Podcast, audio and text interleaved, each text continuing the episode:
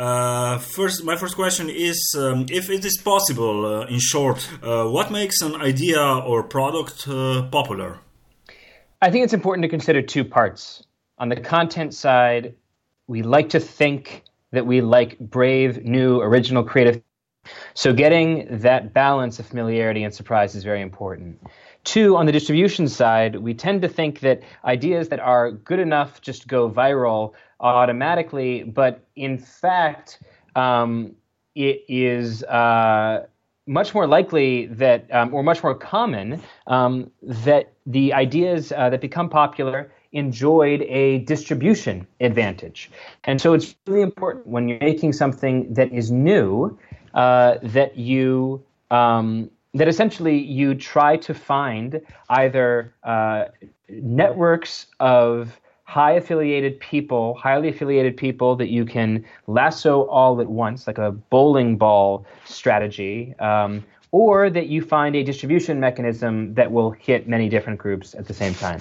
Um, but in sum, it's very important to get both the content right and the distribution right. You're also writing about uh, Donald Trump in your book. Uh, what is the secret of uh, Trump phenomena? Donald Trump seemed surprising. His coarseness seemed surprising to East Coast media, West Coast media types. But in fact, Donald Trump was saying a lot of things that were extremely familiar for a certain American audience. Being extremely anti Islam, being extremely anti immigration, and combining that with an anti elite sentiment um, is a, was a relatively common feature um, of blogs and talk show uh, radio hosts. It's just that we hadn't quite seen a national news figure combine them in the way that he did. Um, and uh, uh, so I think it's important in that respect to understand that Trump might seem novel to his critics, but his message was extremely familiar to his um, to his fans. Um, and again, familiarity, not novelty, predicts um, affinity, predicts liking.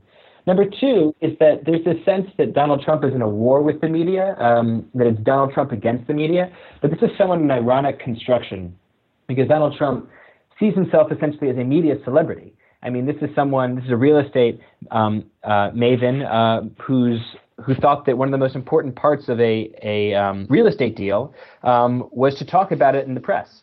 Um, someone who puts magazine covers and newspaper covers all over his uh, office if they have his face on them. Someone who instinctively understands the brand of television, who was a TV star in The Apprentice for a long time, and who understands how media cycles work. Someone who desperately desires the approval of the very mainstream media or organizations that he says despises and calls fake news. Um, he wants nothing more than for the New York Times and the Washington Post and CNN and all of these places that he says he hates. He wants nothing more for them just to say that, he, that they love him. Um, and his frustration comes, I think, out of out of that lack of love. Um, so those are two. Um, uh, two things I think are are a little bit underappreciated about Donald Trump, and go right to the thesis of the book: um, the sneaky power of familiarity, um, and uh, the importance of distribution. That Donald Trump understands media distribution as well as any anyone in modern presidential history. Um, Twitter gives him a direct line to the public, but he also has an instinctive genius for creating news cycles um, uh, on, uh, in, in, in cable television. Mm-hmm. Uh, we have also presidential elections in Slovenia these days. Uh, one of the candidates is acting as pop star, also, of course, for us.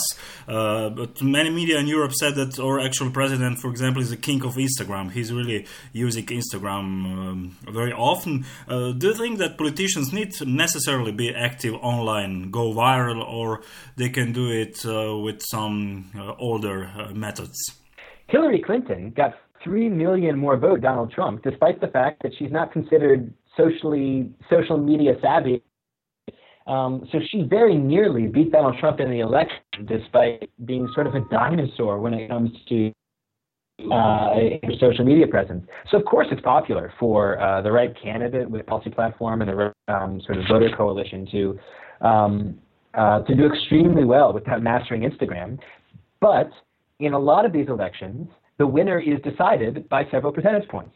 And if the question is, does mastery of modern media get you a few percentage points of support? The answer is probably yes, sometimes.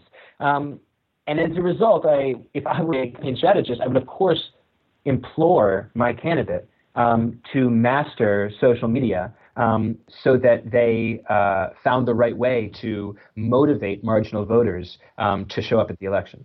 Uh, my next uh, question is about uh, what people, uh, why, why, people like things that are new. Direct question: What is the secret uh, to making products that people like? So I think is um, to talk about um, the difference between disfluency and fluency. Um, fluency is ease of thinking, and disfluency is difficulty of thinking. Now, generally speaking, we like things that are easy to think about. We like songs that we've heard before because we kind of know how they're going to go. Um, we like storylines that uh, have relatively familiar heroes and villains. Fluency is good. But fluency is especially good when it emerges from a state of disfluency. So imagine you're um, reading a thriller book or watching a um, uh, a murder mystery movie.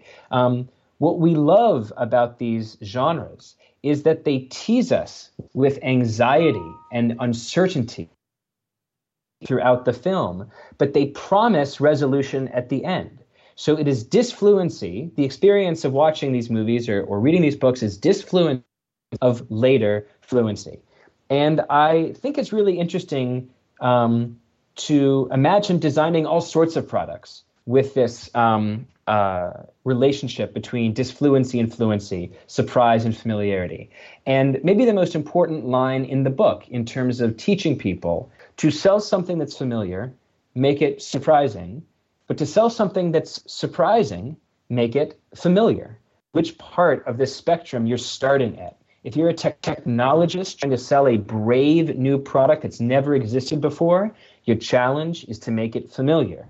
But if you are creating a sequel to a in, in, a film franchise, or if you are designing yet another social media app for talking to your friends, you're creating something that is extremely familiar to start with. And therefore, your challenge is surprising.